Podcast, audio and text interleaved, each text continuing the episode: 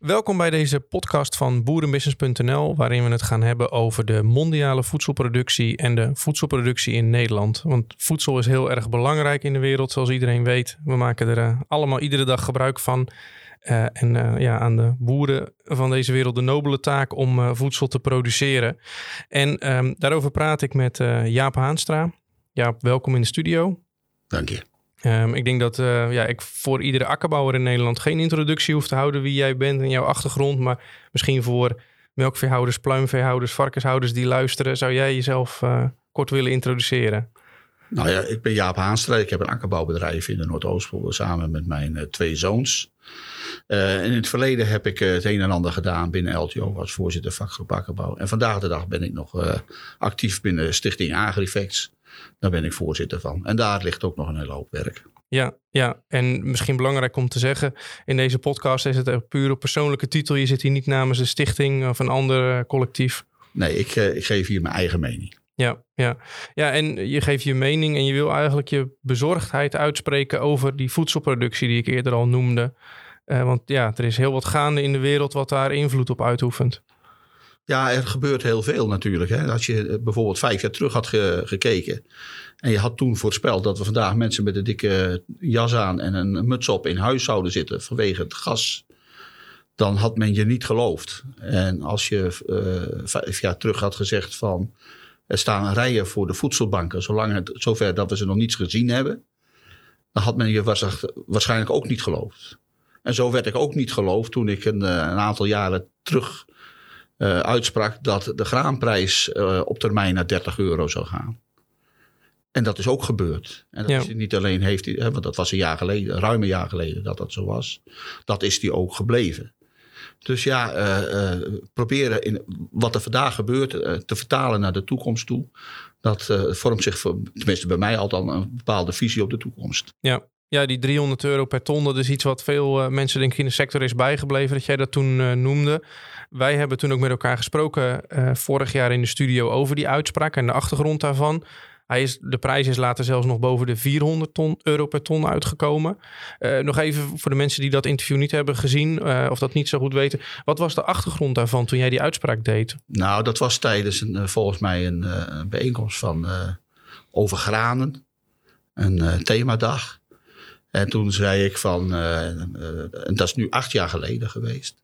Toen sprak ik uit dat binnen vijf jaar de prijs naar uh, 300 euro of 30 euro, het hangt vanaf de 100 of de ton, of de ton neemt, zou gaan. En daar, dat werd toen behoorlijk opgepakt. En dan moet ik in alle eerlijkheid zeggen dat het is niet vijf jaar geworden, het is zeven jaar geworden. En, maar toen was die, die 300 euro, die was er. En, uh, en dat was eigenlijk niet zo eens zo moeilijk te voorspellen. Want als je ziet dat de consumptie in de wereld sneller stijgt dan de productie, dat ze elkaar gaan keer gaan kruisen, die twee lijnen. Ja, dan weet je dat daarna alleen maar records geproduceerd moeten worden. En dat gaat een keer niet lukken. Nou, dat is dus uh, ruim een jaar geleden was dat zover. Dat die prijs naar die 300 euro steeg. Dat was nog voor de Oekraïne en uh, Rusland. Uh, de, en daarna heeft dat de prijs alleen maar geholpen natuurlijk. Dus het, waar ik mee mis zat was twee jaar uh, in de tijd. Ja. En, en, dat is interessant, want je ziet dat op meer vlakken gebeuren. Uh, als je naar, ook voor Boerenbusiness heb ik in 2019 een artikel geschreven. Van dat de boer aan zet zou komen in de aardappelmarkt. En toen zeiden mensen ook wel tegen mij van je bent wel heel erg optimistisch. Maar ook dat was een kwestie van rekenen. Als je ziet dat in de tijden dat het uh, slecht ging met de aardappelteelt, in de frietaardappels heb ik het dan over. Dat uh, toen hebben de teelten zich teruggetrokken in de meest concurrerende delen van de wereld. Delen van Amerika en, uh, en van Canada en in Noordwest-Europa. Maar daarna is er wat gebeurd. Toen ging die frietproductie die ging en de verkoop daarvan, die breidde elk jaar met 3, 4 procent uit. En dan weet je dat op een gegeven moment de meest concurrerende teeltgebieden vol zitten in areaal. En dat men dan moet gaan zoeken in marginalere gebieden. Dat zijn nog geen slechte gebieden, maar wel waar minder productie plaatsvindt. Met dezelfde kostprijs. Dan is één ding aan de hand. Dan zal je meer moeten gaan betalen om die mensen te verleiden tot de aardappelteelt. Dat is inmiddels ook ge ge gebeurd, want dat zie je op het ogenblik toch wel om je heen. Dat de beschikbaarheid van aardappels voor fabrieken nog zowat belangrijker is geworden dan de prijs daarvan. En nog steeds breidt die consumptie in de wereld nog mooi uit. Ja, en dat is ook weer terug te zien in de prijspolitiek van de afnemers van aardappelen. Ja, ja. daar zijn de rollen wat, uh, wat, wat, wat veranderd. Ja. En dat moeten wij als stelers moeten wij daar uh, dankbaar voor zijn. Ja. Nog even terugkerend naar um, het graan, naar de, naar de tarwe. Um, we hebben de, de oorlog in Oekraïne uh, in februari, eind februari van dit jaar. Is jou, jouw mening of jouw visie, heeft dat in directe zin ervoor gezorgd in dat die tarreprijs van 3 naar 400 euro ging? Of heeft dat ook vooral te maken met uh, het speculatieve karakter van die markten? Van onder andere graan, dat het niet, niet eens zozeer een tekort hoeft te zijn, een productietekort, maar meer de, de angst voor een tekort die die een prijs opdrijft? Ja, ik denk dat de combinatie is uh, van beide. Hè. Op dat moment dat er wat uh, bijzonders gebeurt, dan gaan speculanten in de markt komen en dan verhoogt dat de prijs nog meer dan dat hij anders zou zijn gebeurd.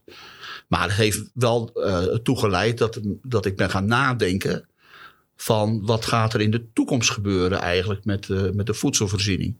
En dan kijk ik breder dan alleen Nederland. Want Nederland is in, natuurlijk in de wereld maar een kleine speler. We vinden onszelf heel groot, maar dat zijn we in het totaal niet. Maar wat gaat er nou gebeuren, met, ook met alle politieke processen die er plaatsvinden, van autonome processen die er zijn? Ja, en dan heb ik toch wel een, ik zeg niet, ik kan, ik kan niet voorspellen, maar ik heb wel een visie erop van wat er gaat gebeuren en wat ik denk dat er gaat gebeuren. Ja. En dan neem ik een scope van 15 jaar. Dus uh, mensen kunnen mij er dan ook heel lang aan herinneren van wat ik uh, nu gezegd heb. Maar ik denk dat er wel, uh, wel uh, het een en ander gaat veranderen. En het heeft ook een beetje te maken met de achterloosheid die men nu uh, laat zien ten aanzien van voedselproductie. Men vindt alles belangrijker dan voedselproductie.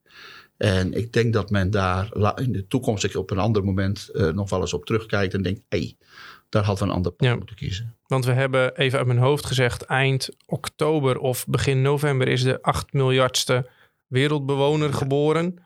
Uh, jij had al uh, gekeken naar de. Er is een teller uh, op internet. Ja, ja, die houdt bij hoeveel mensen daar inmiddels zijn, zijn bij. Er zijn er alweer uh, 8 miljoen bij. En dat is eigenlijk raar, die uitspraak wat je net, wat je net doet. Ik denk terecht in dat er is, er is weinig aandacht voor voedselproductie. Want zolang het schap in de supermarkt vol ligt, waarom zou je je er dan druk over maken? Um, ja, maar je moet kijken, de 8 miljardste is dan geboren. Maar dat wil niet zeggen dat iedereen genoeg voedsel heeft. Als je, de, dat zijn cijfers van de Verenigde Naties, uh, dat er meer dan 800, ruim meer dan 800 miljoen mensen in deze wereld zijn die gewoon honger lijden. En er zijn ook 2 miljard mensen, en daar schrok ik een beetje van dat getal, van die milde honger hebben. Wat wil milde honger zeggen? Dat er momenten in het jaar zijn dat ze eigenlijk niet voldoende hebben. Nou, als je dat als basis neemt, uh, om te gaan kijken wat er uh, hoeveel voedsel er in de toekomst nodig is, dan geeft mij dat wel een bepaalde mening. En als je, dan wil ik eerst eens kijken, als je het goed vindt, uh, naar de ontwikkeling van de wereldbevolking. Uh, heel veel mensen weten niet hoe snel dat is gegaan. in de, de, eerste miljard mensen passeerden wij in 1804. De tweede miljard mensen in 1927. De derde miljard in 1960. En afgelopen jaar, of afgelopen maand eigenlijk, zijn we naar 8 miljard gegaan. Waarom zijn er nu zoveel mensen op aarde? Hoe kan dat nou zo snel gaan? Um, dat heeft met, met, met mensen worden ouder.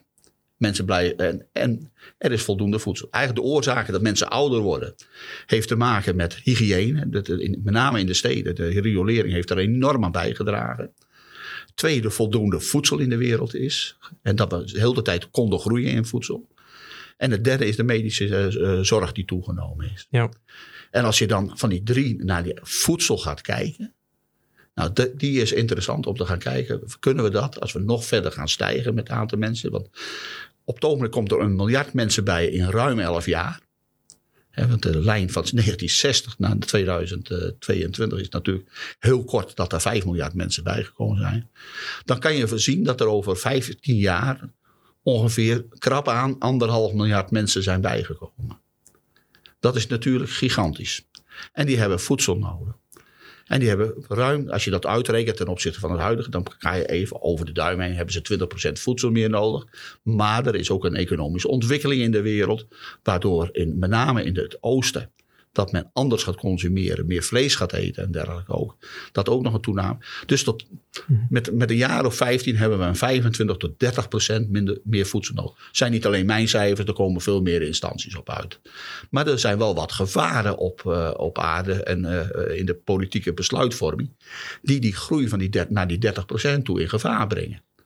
Nou, en daar is het handig van, wetende dat wij naar 9,5, naar 10 miljard mensen gaan, dan uh, uh, om te kijken, kunnen we dat aan?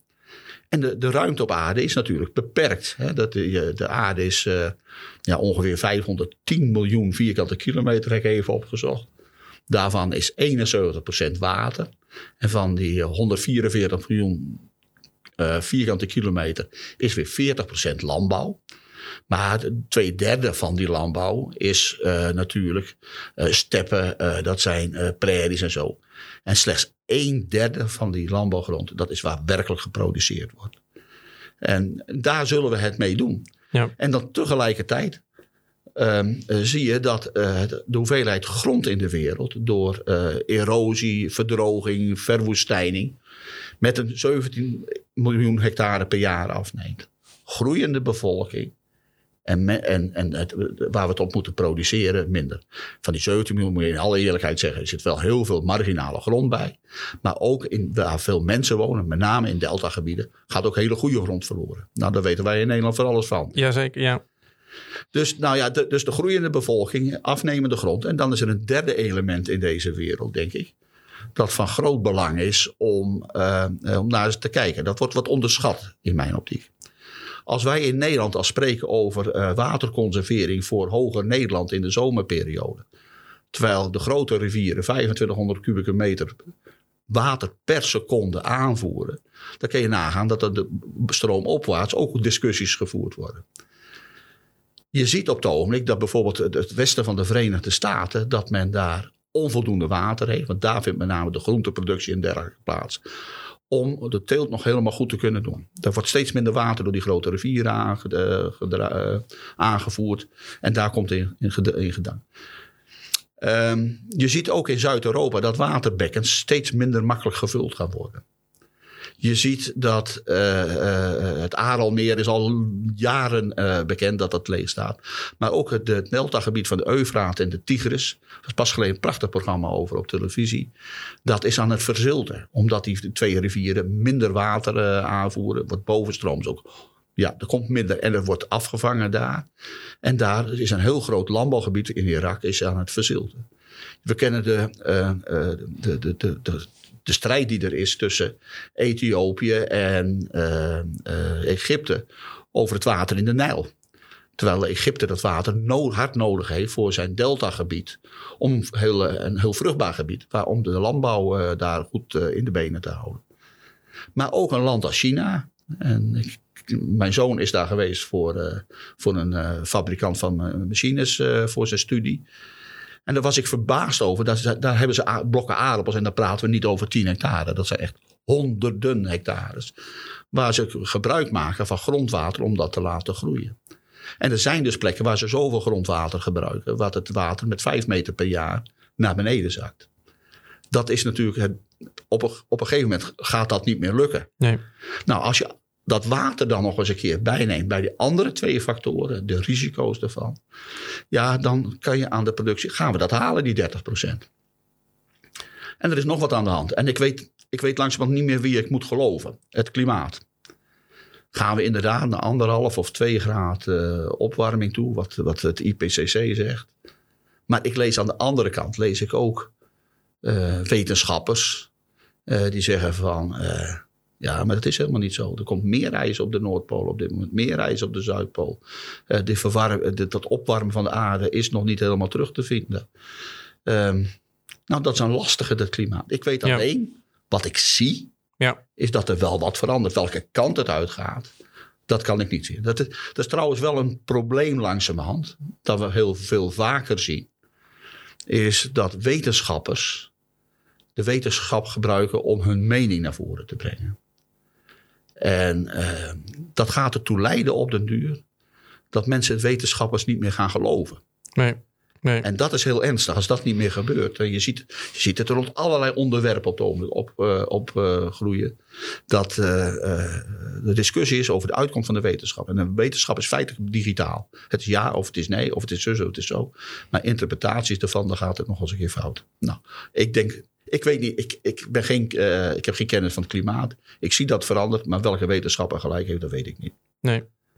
Ja, het zijn natuurlijk ook uh, ja, lastig te bevatten onderwerpen soms die soms honderden of duizenden jaren uh, ja, verandering, dat gaat zeer langzaam. Er gaan, er gaan tientallen generaties overheen. Dus het is natuurlijk ook lastig om, om ja, dat voor je te kunnen zien.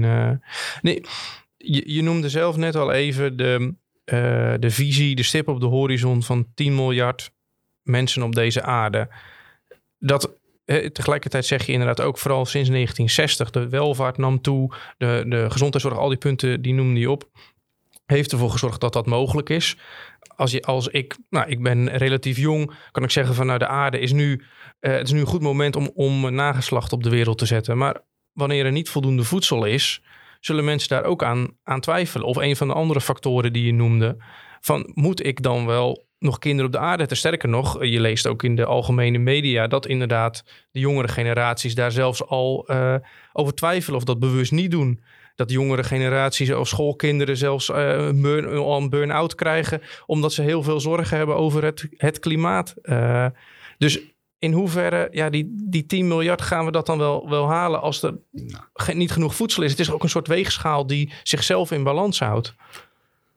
Ja, ik denk dat, dat uh, de grote toename van uh, het aantal mensen zal niet met name in Europa plaatsvinden. Dat zal op andere plaatsvinden. Uh, China is nu de grootste met, met het aantal mensen. Maar de verwachting is dat India dat weldra gaat inhalen. En het land wordt met de meeste inwoners. Maar wat mij bijvoorbeeld opviel is een land als Nigeria. Je hoort daar niet zoveel over. Dat nu ruim 200 miljoen mensen heeft maar binnen twee, drie generaties verwacht op 700 miljoen mensen te zitten. Dat zijn dus de plekken waar uh, het ge gebeurt. Um, ja, ik, uh, minder mensen, ja, het, het zou misschien moeten, het, misschien is het ook van belang, zouden we het kunnen produceren? Om voor 10 miljard mensen. Ik denk zelf, als we technologisch alles uit de kast halen, dat het best kan. Maar dan kom je op de politiek. En daar kom je op uh, verdeelsystemen, bijvoorbeeld van dat water en dat soort zaken. Als iedereen zijn best doet, dan kan dat wel. Maar dat gaat niet gebeuren dus. Dat, dat is een illusie die je hebt.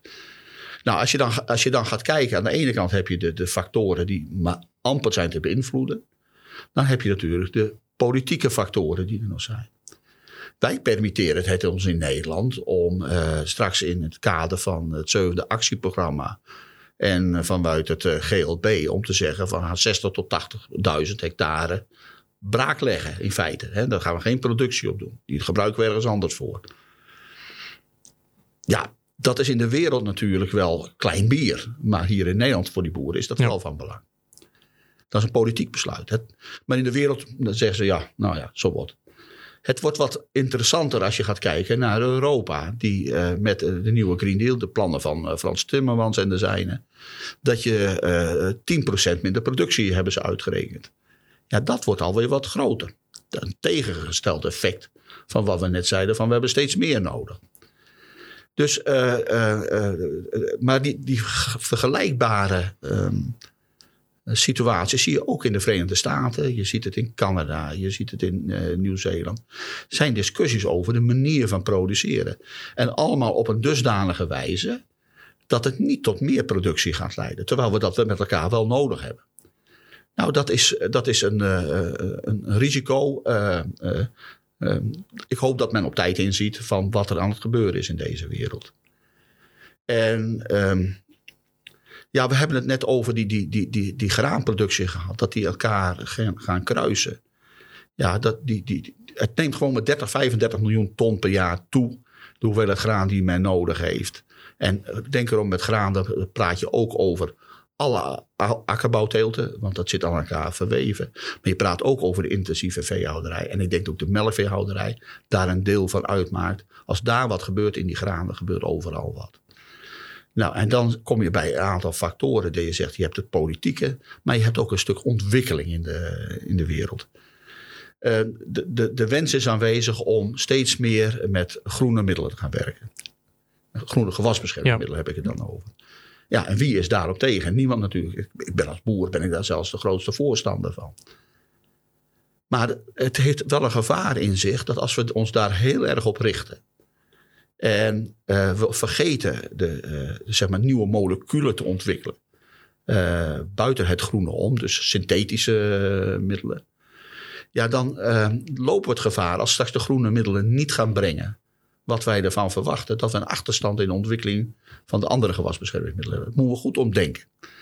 Ook een element, en dat is, die speelt waarschijnlijk veel korter is de prijs van kunstmest op het ogenblik in de wereld. je, kan ook zeggen van uh, als de prijs zo hoog wordt, gaat er niet suboptimaal bemest worden. Dat zal een kort effect kunnen krijgen. Afhankelijk van wat de kunstmest daarna gaat doen en wat de prijzen van de producten daarna gaan doen. En je hebt nog een element natuurlijk van, uh, van veredeling en zo. Wat, wat staan we toe? Is een politiek besluit met CRISPR-Cas en dat soort zaken. Van gaan we dat optimaal benutten om in de toekomst de wereld te voorzien van voedsel of uh, laten we dat liggen? Nou, dat zijn allemaal elementen. En als ik ook kijk, als je dat allemaal optelt, dat ik zeg van ja, maar voedsel in de zekerheid is, is, is in de toekomst lang niet altijd een zekerheid voor ons. En eh, ja, ik, ik heb gezegd, ik ga niet voorspellen, maar ik, ik heb een soort visie. Ik heb een visie dat uh, de voedselprijzen uh, zo ontwikkelen dat er op een gegeven moment een prijzencrisis komt. En wat is een prijzencrisis? Een prijzencrisis is dat iedereen het niet meer kan betalen. Er is wel voldoende aanwezig, maar niet iedereen kan betalen. En die kan zomaar overgaan in een voedselcrisis, dat er niet meer genoeg is voor iedereen. Nou, en intussen zie je allerlei ontwikkelingen gaan. In Europa voorop met minder boeren. Als je in Nederland kijkt, op dit moment zijn er nog 50.000 boeren. Maar als je die 50.000 gaat uh, ontleden, dan zijn er 25.000 die 90% van de productie voornemen. Wij zijn met een klein groepje. En als het groepje nog kleiner wordt, dan is de kans dat de infrastructuur met kennis en met, met onderwijs en zo, dat dat in elkaar zakt. Uh, we moeten ook uitkijken dat we de productie op peil houden, dat onze infrastructuur met afzet van producten. Kortom, als je van de toekomst, ik, ik, ik ben eigenlijk optimistisch over de landbouw, de toekomst wat de prijzen aangaat. Maar ik ben wat pessimistischer over van met hoeveel boeren zijn we er nog. En wil je toekomst hebben, uh, uh, dan moet je die stip op de horizon zien. En moet je zorgen dat je op dat moment boer bent. En er zijn allerlei uh, krachten op dit moment in Nederland aan de gang. Die het wel lijken of, of dat men alleen maar met minder boeren wil gaan werken. Ja, ja. En je zegt al inderdaad al die, die krachten die aan de gang zijn. Er is een, een, gevecht om, om ruimte en niet alles kan, wordt, wordt genoemd. Je noemde het voorbeeld van Nigeria, maar dat zou ook zomaar Kenia of Zimbabwe kunnen zijn. Het zijn jonge bevolkingen uh, die snel groeien. Um, je kunt zeggen vanuit Nederland, vanuit onze vruchtbare rivierdelta, wij telen hier uien, wij uh, produceren hier veel melk, uh, varkensvlees, pluimveevlees en we exporteren dat naar die landen in Afrika. Um, daar is dat hele idee waar, waar de Nederlandse landbouw de laatste 70 jaar groot mee is geworden, uh, staat ook onder druk. Dat mensen zeggen: nee, het moet niet meer in Nederland geproduceerd worden. Want dat gaat heel erg ten koste van ons leefklimaat, ons leefgebied hier. Wij willen ook ruimte voor de kieviet. En wij willen ook kunnen recreëren en kunnen wonen en, en overal heen kunnen rijden. Hoe, hoe, zie jij, wat is jouw, ja, kun je jouw visie daarop toepassen? Zie je dan inderdaad, zeg je van nou, die landen zullen. Um, zelf meer moeten gaan produceren. Met dankzij veredeling of andere technologie of het kennisniveau uh, opkrikken van die lokale boeren? Of is jouw visie meer dat toch de belangrijke productiegebieden in de wereld, dat het daar zo moet gaan gebeuren en dat er altijd gebieden zullen zijn, grote gebieden waar die mensen ja, afhankelijk zijn van voedselimport? Ja, um, als een schip vandaag gaat varen vanuit Rotterdam, dan is hij over drie weken aan de andere kant van de wereld. De wereld is niet zo groot meer. Uh, ik lees ook natuurlijk van, ja, waar moet Nederland de wereld gaan voeden? Moeten wij uh, zoveel exporteren? Dan, dan, heeft men geen kennis van zaken. Uh, er is een rapport van PBL uitgegeven in 2020 dat wij, zoals wij nu in Nederland leven, dat we feitelijk 3,3 miljoen hectare nodig hebben. En we hebben er maar 1,8 ruim. Dus feitelijk zijn we een soort importeur nu al. Uh, alleen we zijn staat dat we goedkoop spul binnenhalen, het verwerken, bewerken en we van alles aan doen en zelf allerlei dingen produceren. Dat we daar ook nog een kleine, of nee, ruim 30 miljard aan overhouden met elkaar. Dus een prestatie van, uh, uh, van bijzondere orde. Maar wat is exporteren? Ik heb een vriend in Zuid-Limburg wonen. Die zegt, ja, maar voor mij is het Roergebied is dichterbij dan Amsterdam. Um, dus de wereld is zo klein en transport gaat zo snel. Dat wij het moeten produceren op de gebieden daar waar dat product het beste kan groeien. En die uitdaging van die 30% meer uh, voedsel ligt niet alleen in de westerse wereld of in ons land, maar die ligt over de hele wereld. Uh, want als we dat scheef verdelen, dan gaat migratie op gang komen. Dat, dat, uh, men gaat het voedsel achterna reizen. Dus uh, ik heb dat, ik, het, het, is een voorbeeld. Uh, ik heb dat een keer meegemaakt dat we met een commissie zouden wij uien brengen naar. dat dachten we dat daar nog exportmogelijkheden lagen. En dat was in het Midden-Oosten en dat was naar Japan. Toen bleek, om een lang verhaal maar kort te maken, dat het transport in Nederland net zoveel kostte als van Nederland naar Japan toe. En dat verbaasde mij. Maar wat blijkt dan? Dat als je, uh, uh, ik noem maar wat Toyota-onderdelen deze kant uitkomen, dan moeten op enig moment moeten die containers moeten weer terug. En als men daar dan uh, wat in kan doen, dan, dan drukt dat de kosten. Sterker nog, als zo'n schip niet voldoende wicht bij zich heeft, dan ligt hij te hoog op het water. En dan is er een kans van kapseizen op bij een, bij een wind. Dus anders moet hij misschien wel water inladen. Dus de de goederen, en dat, ook het Suezkanaal liet dat natuurlijk heel duidelijk zien.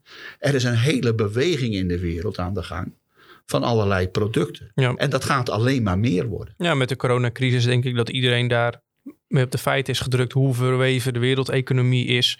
En inderdaad, als iemand in Wuhan een vleermuis eet, uh, dat jij dan inderdaad geen toiletpapier meer kan kopen. Om het even heel gechargeerd te zeggen, maar inderdaad, dat precies inderdaad wat jij beschrijft. Ik vind het wel een hele interessante.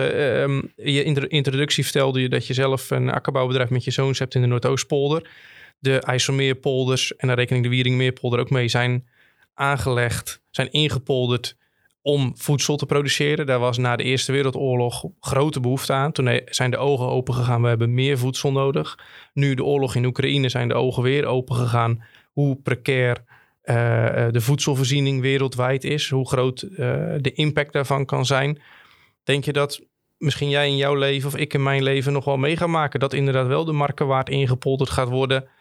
Uh, omdat we inderdaad die miljarden mensen moeten voeden... en dat we dat in de rivierdelta het beste kunnen doen?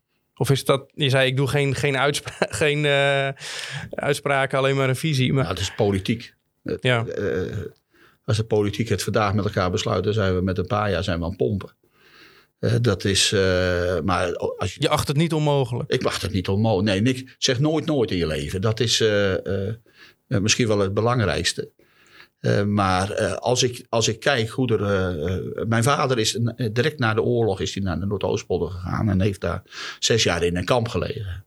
Als, hij is al lang overleden, maar als hij vandaag zou zien hoe er met grond omgegaan wordt, dan zou hij, zou hij het, moederhoofd schudden van jullie veronachtzamen van wat voedsel is.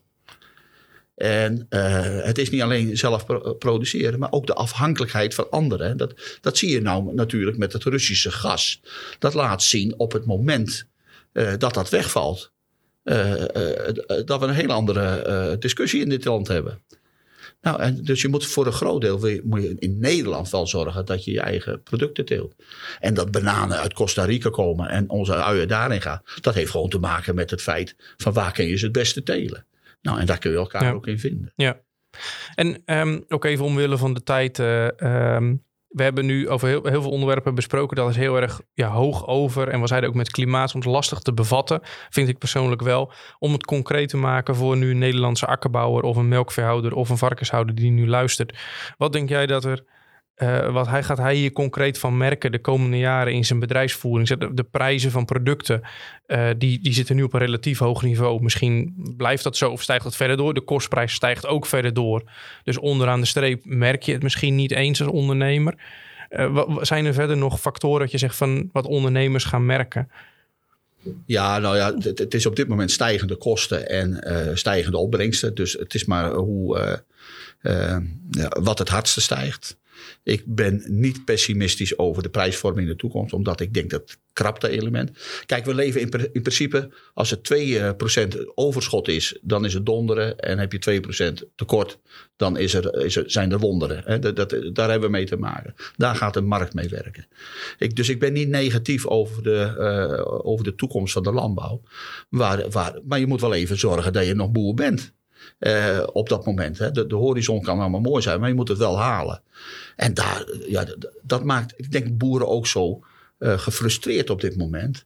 eh, dat door eh, politiek en door NGO's en iedereen die wat zegt in dit land. dat toekomst van iedereen onzeker is geworden. En dat maakt mensen eh, ja, verdrietig en boos en eh, alle vormen daartussen. En eh, eh, ik, ik, ik heb met mijn jongens wel over. Ik, wij zien de toekomst best wel zitten. Maar het zal niet altijd makkelijk. Maar ik ben meer dan 40 jaar boer geweest. Ik heb wel vaker tijden gehad dat ik dacht, "Mwah, eh, zou- hoe zou dat komen? Maar we moeten ook heel eerlijk zijn. We waren na de oorlog met 400.000 boeren. En we zijn nu nog met 50.000 boeren. Nou, en, Ja. da- en, en, en dat wat ik zei over infrastructuur en zo. Waarvan er, je zegt 50.000 boeren, waarvan er dus Ja. 25.000 eigenlijk eh, met een gratis kaartje meerijden op de trein. En inderdaad 25.000 voor 90% van de productie Ja, zorgen. dat, zijn, dat zijn die de, de mensen die de, de grote productie brengen. Ja. Dus, nou ja, en, en, ja dus, dus ik ben best wel positief over die toekomst. Maar je, ja, eh, eh, politiek zal zeker de eerstkomende jaren heel veel invloed gaan hebben op hoe de Nederlandse, als ik naar de Nederlandse landbouw ga kijken. En ik verwacht eigenlijk in plaats van dat bijvoorbeeld de Verenigde Naties eh, allemaal zich druk maken over biodiversiteit. Moet je doen hoor, dat is ook belangrijk. En over het klimaat. Eh, Terwijl ik zie dat de Noordzee al 120 jaar met 1,86 mm per jaar stijgt. En daar ook geen versnelling in zit. Misschien ook wel eens een tafel of een, een congres zouden moeten hebben. Hoe gaat de, de voedselvoorziening mondiaal eruit zien de komende 30 jaar? Dat is, denk ik dat Ja. het veel acuter is dan al het andere. Want ook dan, als het echt tekort voedsel zou zijn, dan gaan er allerlei spanningen in deze wereld komen. Eh, eh, wij nemen deze podcast op aan het einde van het jaar. En dan eh, gaan we straks weer praten over goede, goede voornemens en wensen voor het nieuwe jaar. Ehm, als ik jouw verhaal zo, zo, zo samenvat, als jij een jonge boerin of een, of een boer spreekt. ik denk dat jij hem wel zou zeggen van, eh, er komt een, een tijd, misschien wel heel snel, dat er weer waardering komt voor, voor wat jij doet, voor voedsel produceren. Dat wordt niet even dan in Nederland gezien eh, me- eh, een beetje met een scheve blik naar gekeken. Maar je krijgt gewoon de wa- waardering die, eh, die je moet krijgen. Klopt Nou, dat? Het is eraan naar wie je in Nederland luistert. Ja. Er zijn, worden regelmatig worden er van die polls gehouden van hoe de populariteit van een beroepsgroep is. En dan moet je gewoon constateren dat boeren er helemaal niet slecht op staan met de Nederlandse samenleving. Maar er is een deel van de Nederlandse samenleving die zich luid laat horen. Eh, die van alles over ons te melden heeft. We doen dit niet goed en we doen dat niet goed. Dus we moeten ons eh, eh, daar niet laten door intimideren. We moeten gewoon zeggen van we staan er goed op. En we moeten ons best blijven doen natuurlijk. Want we moeten steeds meer. Vroeger had iedereen in de familie die had wel een boer of, of, of een oom of een tante of weet ik veel wat. En hadden ze contact met die bedrijven. Dat is dus steeds minder. We, zitten nu met eh zowat 18 miljard of 18 miljoen mensen met 50.000 boeren. Dus dat, die afstand wordt veel groter. We zullen meer moeten doen om ons te laten zien in de samenleving. Maar we staan er niet zo slecht op. En we blijven gewoon ons best doen. Ja, en dat in Nederland. En ik nou, zou toevoegen, denk ik ook wereldwijd, dat de Nederlandse boer er ook, ook die waardering krijgt. De profeet wordt in zijn eigen land nooit eh, eh, gewaardeerd, zeggen ze wel eens. Ja, En dat lijkt ook wel zo. Wereldwijd, waar Nederlandse boeren zijn, daar doen ze het gewoon goed. Zowel qua eh, ondernemerschap als gewoon technisch boeren. Ja. We zijn, nou ja, dan moeten we ons af en toe op de borst durven te slaan. We brengen hele goede boeren voor. ja zeker. En daar ben ik ook machtig trots op. Waar, waar ter wereld, ik kom wel eens ergens, maar waar ter wereld komt, dan onthoor je altijd de waardering daarvoor. Dus, nou, dat is mooi. Ja, nou laten we hopen dat dat uiteindelijk ook in Nederland iets meer uh, doorklinkt. En mooie, mooie afsluitende woorden. Ik wil je hartelijk danken voor uh, ja, deze podcast. Wie weet, ik denk dat er nog enorm veel onderwerpen zijn die we, die we in andere uitzendingen zouden kunnen bespreken met elkaar. En nou, misschien ook wel aan de luisteraars om, om eens te reageren. als er iets is wat ze willen horen of jouw visie ergens, ergens op goed onderbouwt. Hartelijk dank en hopelijk tot de volgende keer. Graag gedaan.